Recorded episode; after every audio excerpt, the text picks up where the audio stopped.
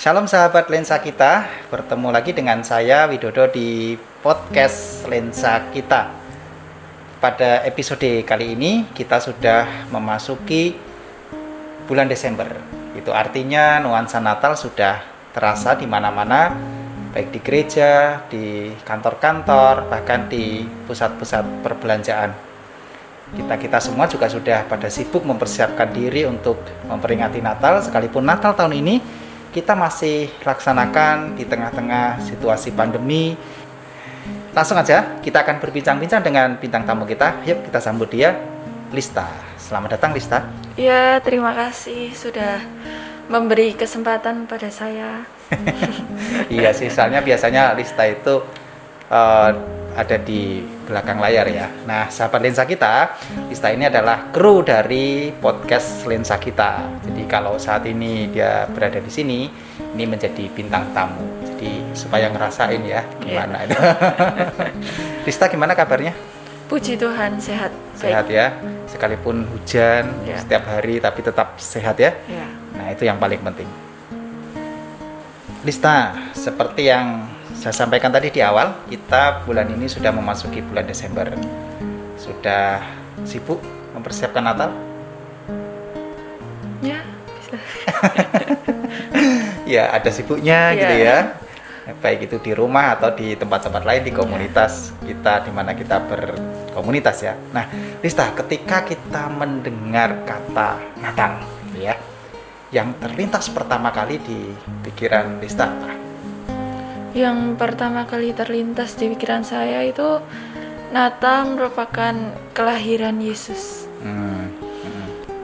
Natal ke, merupakan kelahiran Yesus, tetapi ketika saya refleksi, refleksikan kembali, kelahiran Yesus itu ketika Yesus lahir, apa yang saya rasakan? Sudah pasti sukacita ada. Hmm.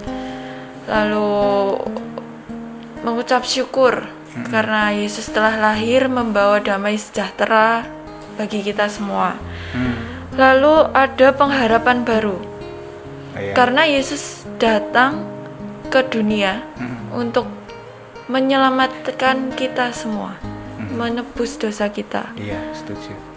Dan Yesus datang ke dunia jika kita lihat dari beberapa kisah di Alkitab, hmm mungkin nggak beberapa ya banyak sekali kisah di Alkitab bahwa Yesus hadir Yesus datang ke dunia dengan uh, menunjukkan keajaibannya mujizat hmm. banyak hmm. mujizat ketika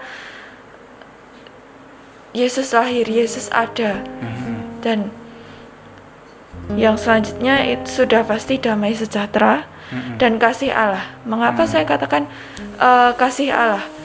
Ya, karena Allah sangat mengasihi kita sebagai anak-anaknya. Hmm. Allah uh, memberikan anaknya yang tunggal, hmm. Yesus, hmm. mengutus Yesus hmm. untuk datang ke dunia. Hmm. Kalau kita bisa kita gambarkan ketika orang tua hmm. uh, mulai jauh dari anaknya yang mungkin melanjutkan pendidikan, Kerja. bekerja atau membangun keluarga sendiri yeah. jauh dari orang tua hmm. sudah pasti ada uh, orang tua merasa agak gak tega agak gimana ya uh, masih belum siap yeah. tapi ini Allah mengutus anaknya yang tunggal hmm. uh, yang 100% Allah 100% manusia hmm. Yesus untuk datang ke dunia. Uh, dari sini kita dapat melihat bahwa Allah sangat mengasihi kita. Yeah. Allah sangat mencintai kita. Setuju. Kalau dibahasakan anak muda berarti uh, Allah tuh bucin sama kita. Wais, keren. Tapi kalau kita refleksikan lagi, apakah kita secinta itu sama Allah? Nah, itu itu pertanyaan pribadi yeah. ya. Oke ya, menarik. Nah, Lista, sampai tahun 2020 kemarin ya kan itu Lista sudah merayakan Natal yang keberapa kali kalau ini 2021 kan belum belum yeah. dirayakan ya kan kita baru baru prepare ini yeah. ya iya. kan nah yang sudah dilalui itu sampai 2020 itu sudah berapa kali? Yang keberapa kali tahun sampai tahun 2020? Kalau sampai 2020 mungkin ke ya 17 17, 17 ya. kali. Nah, 17 kali merayakan Natal baik bersama keluarga maupun dengan teman-teman, dengan eh, teman sekolah, teman gereja. Nah, adakah pengalaman yang sangat berkesan di dalam hidup Lista sepanjang sepanjang apa 17 kali ikut mengikuti eh, atau merayakan Natal? Kalau ditanya seperti itu jujur dari saya Hmm. eh, setiap momen Natal, setiap merayakan Natal itu berkesan buat saya. Wow, keren keren. Karena setahun sekali ya. Iya, nggak bisa diulang. Iya betul, nggak bisa diulang. Besoknya nggak bisa diulang iya, nggak bisa diulang lagi karena usianya sudah semakin bertambah Iya, juga. nggak bisa 10 tahun terus. Iya betul. Ya, sangat berkesan karena kenapa? Semakin bertumbuh, semakin dewasa, semakin saya mengerti bahwa merayakan Natal tuh nggak hanya perayaan yang mewah, yang meriah, Hmm, yang selalu identik dengan pesta. kado Natal, pesta, Baju baju, baru. baru, semuanya baru, harus gitu, enggak. iya iya. Tapi dengan kesederhanaan.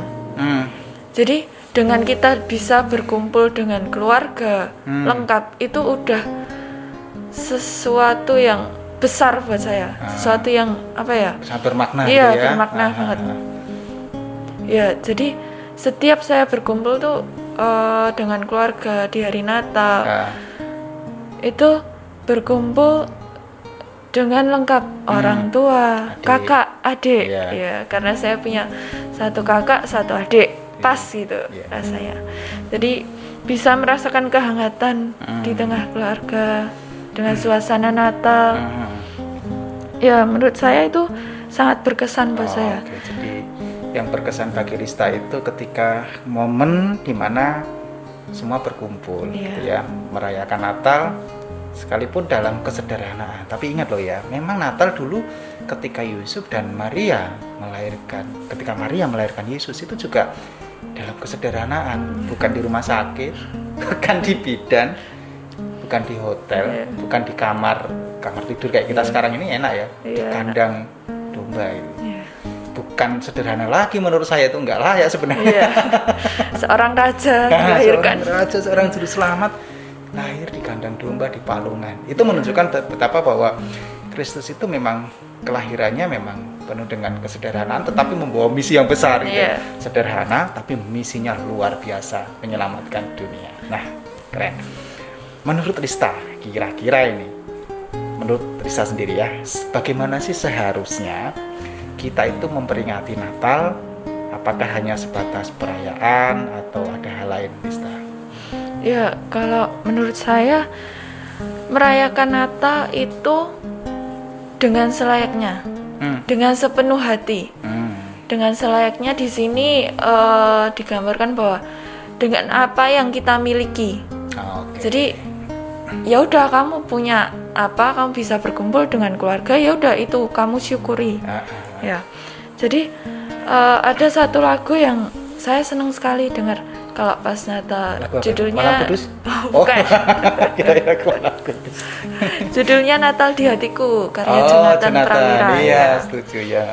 Itu menurut saya mengingatkan kembali bahwa gimana sih eh, yang kamu rasakan ketika Natal Hmm. di hatimu tuh apa yang kamu rasakan ketika hari Natal tiba. Hmm. Jadi nggak hanya eh, dari luar kita bisa beribadah, bisa merayakan, tapi ketika kita berida- beribadah, ketika kita eh, merayakan, apa sudahkah kita bersyukur? Hmm, hmm, hmm. Sudahkah kita menyembah Allah? Hmm, hmm. Jadi ketika Kristus datang, sudahkah kita menyambut Kristus Hmm. yang lahir ke dunia? Jadi eh, seberapa indahkah Natal di hatimu? Bisa nyanyinya? Atau mau nyanyi? Bisa ambil gitar atau keyboard. ya menarik lagu itu. Ya. Tetapi ada jawaban dan ada satu pertanyaan yang sangat dalam loh sebenarnya di dalam lagu itu. Natal tidak akan berarti ketika Yesus nggak lahir di hidupmu. Ya toh? Sebab Natal tidak akan berarti tanpa Yesus lahir di hatimu. Jadi mau 17 kali kayak tadi Rista ya, mau 17 kali merayakan Natal, mau 20 kali, mau 100 kali, tapi kalau Yesus gak pernah lahir di hati kita ya sama aja ya kan, sama aja kita hanya melakukan kegiatan-kegiatan agamawi, ritual-ritual agamawi, tapi Yesus gak pernah lahir. Nah itu yang yang apa namanya jadi refleksi buat kita ya. Iya. Apakah Yesus itu sudah lahir di hati kita?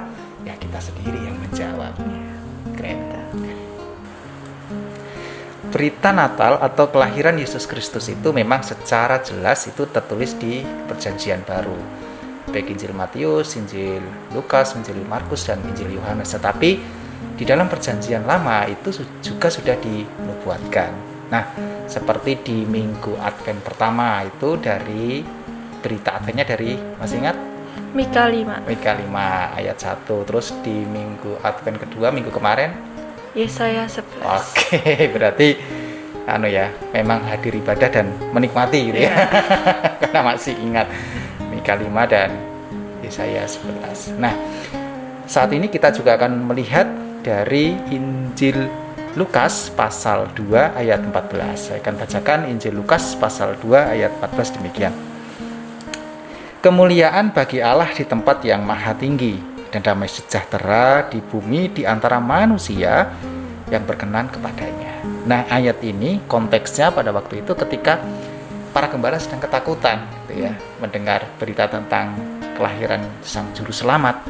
Ya wajar ya, ke, para gembala itu kan kaum yang dipandang nomor kesekian gitu ya, Iya. karena mereka bekerja di padang gurun tengah malam. Nah, ketika mendengar berita tentang juru selamat pasti takut ya.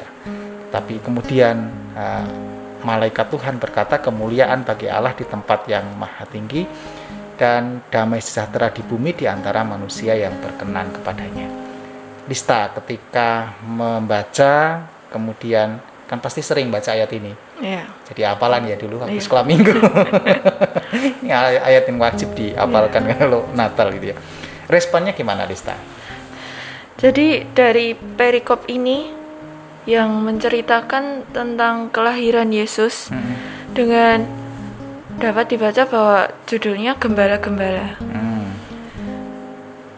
Malaikat memberitakan eh, maaf, ma- malaikat datang ketika malam ketika gembala-gembala sedang menjaga ternak.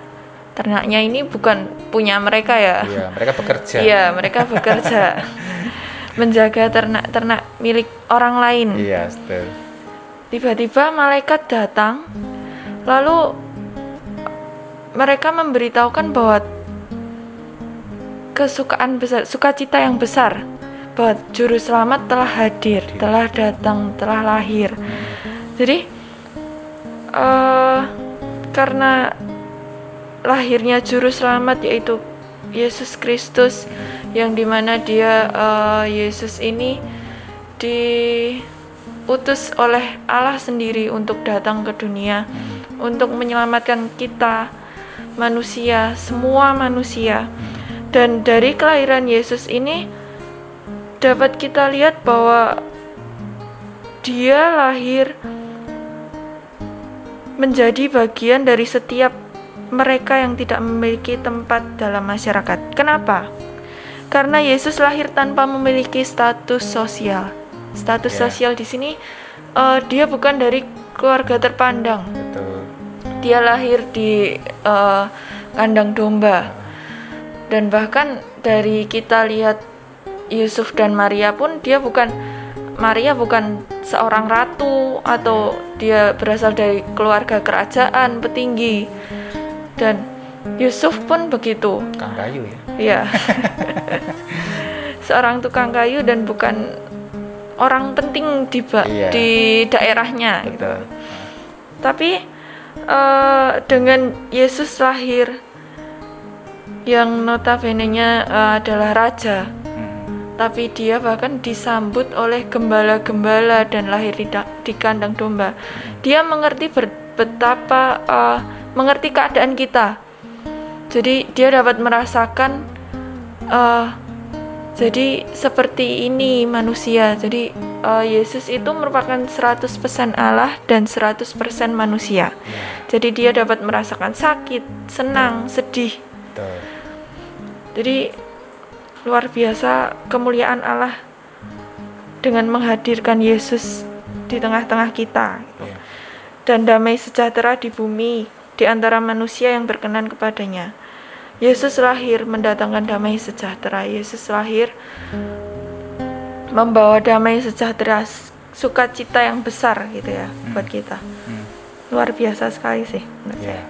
Ya, kalau kemudian Yesus lahir di kerajaan kan pastinya para dom apa namanya kok para domba para gembala ini kan mungkin nggak berani masuk Iya. ya nggak berani melihat tapi karena justru Yesus lahir di kandang domba di tempat sederhana itu Yesus mau bahwa semua orang. Jadi keselamatan itu untuk semua orang. Bukan hanya kaum kelas atas tetapi ya semuanya dari kelas atas sampai kelas yang paling bawah. Bahkan yang tidak dipandang sekalipun di, di lingkungan masyarakat gitu ya. Jadi kehadiran Yesus itu memang untuk semua gitu ya. Iya. Nah, menarik lagi di ayat ini kemudian dikatakan bahwa manusia yang berkenan kepadanya. Nah, kira-kira menurut Rista ini, apa sih yang dimaksud manusia yang berkenan kepadanya? Ya, damai sejahtera di bumi Hmm. di antara manusia yang berkenan, Berkenan kepadanya. kepadanya.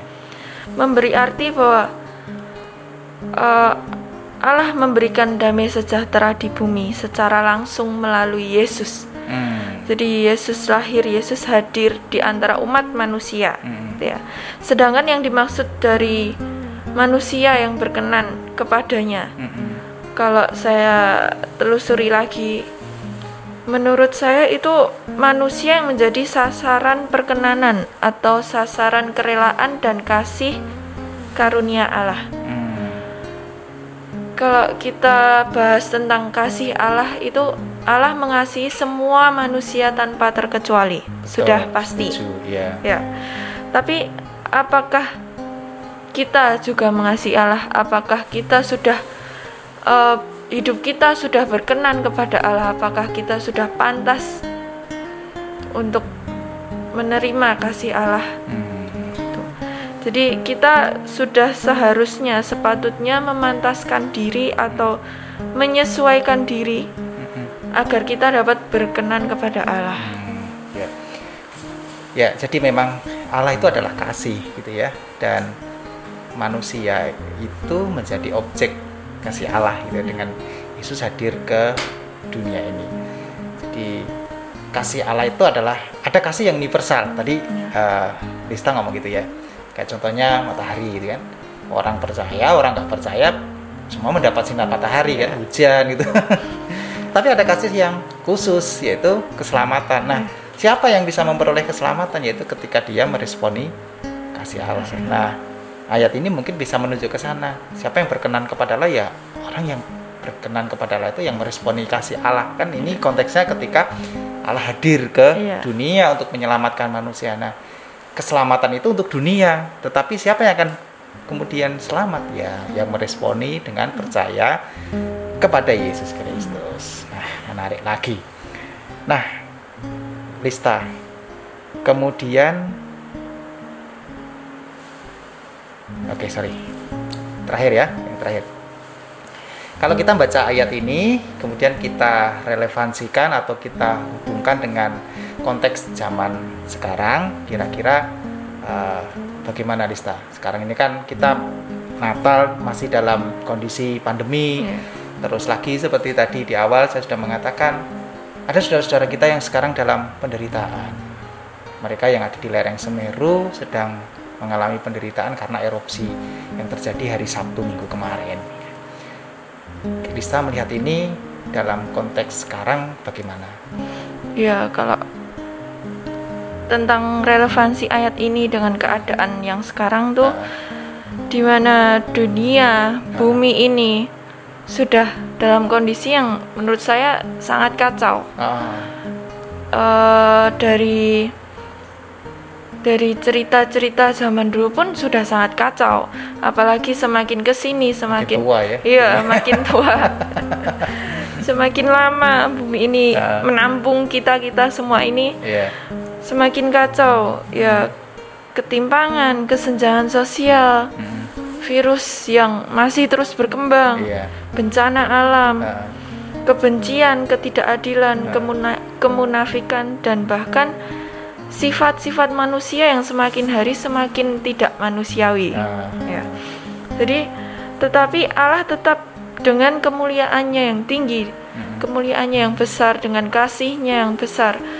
Dia tetap memberikan damai sejahtera bagi kita semua, tetap memberikan sukacita bagi kita semua. Dia mengingatkan kita di Natal ini untuk selalu bersyukur. Hmm. Jadi kita menjalani eh, merayakan Natal pada tahun ini dan mungkin tahun kemarin juga ya Mm-mm. dengan keterbatasan dibatasi. Iya, dibatasi. ya, tapi tetap kita merasakan sukacita. Ya. Saya eh, satu kalimat yang saya suka yaitu hendaknya sukacita Natal selalu hadir di hatimu karena damai sejahtera Allah sudah hadir dan akan selalu ada di sepanjang hidupmu. Nah, ini yang menarik ya. Jadi bahwa damai sejahtera yang Allah berikan itu sebenarnya bukan hanya sekedar dunia ini kemudian menjadi adil, Iya. nggak ada perang itu memang perlu ya toh. Kemudian nggak ada bencana alam, nggak ada kekacauan bukan hanya sekedar itu, tetapi damai sejahtera yang paling berharga itu adalah damai sejahtera ketika kita diselamatkan gitu ya, Iya. didamaikan manusia dengan Allah gitu ya. Manusia yang tadi awalnya memberontak, kemudian jatuh ke dalam dosa kan jurangnya semakin jauh Ya, semakin jauh. kehadiran Yesus Kristus mendamaikan kita dengan Allah. Nah, kita yang sudah didamaikan dengan Allah ini harusnya menjadi pembawa-pembawa damai ya di lingkungan kita, di keluarga kita, di mana pun kita berada. Ah, ya, saya jadi ingat ya Ah. bahwa eh, mungkin dulu mungkin di sini ada anak-anak sekolah minggu yang seangkatan dengan saya sedang mendengarkan podcast, Menyaksikan. ya menyaksikan. Ya, mungkin bisa eh, mengingat kembali bahwa dulu kita waktu sekolah minggu Mm-mm. pernah merayakan Natal bersama dengan YPAC Solo. Oh iya iya iya. Ya, ingat, masih ya. ingat gak? Ya. Saya sih ingat. Meskipun saya bukan sekolah minggu, ingat. betapa kita diajarkan untuk berbagi sukacita dengan teman-teman Hmm. kita, diajarkan untuk bersyukur dengan apa yang telah kita miliki, Karena melihat teman-teman kita dengan segala keterbatasan Iya. ya. yang membuat saya sangat mengingat eh, momen itu adalah ketika mereka mempersembahkan penampilan mereka yaitu band. Mereka bisa main oh band. iya, bermain musik Iya, ya. bermain ya. musik. Ha, ha, ingat ingat.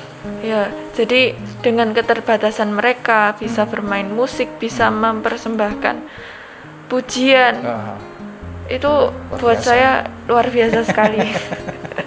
Karena saya aja yang mencoba bermain musik, mencoba belajar bermain musik pun sampai lulus sekarang iya belum lulus.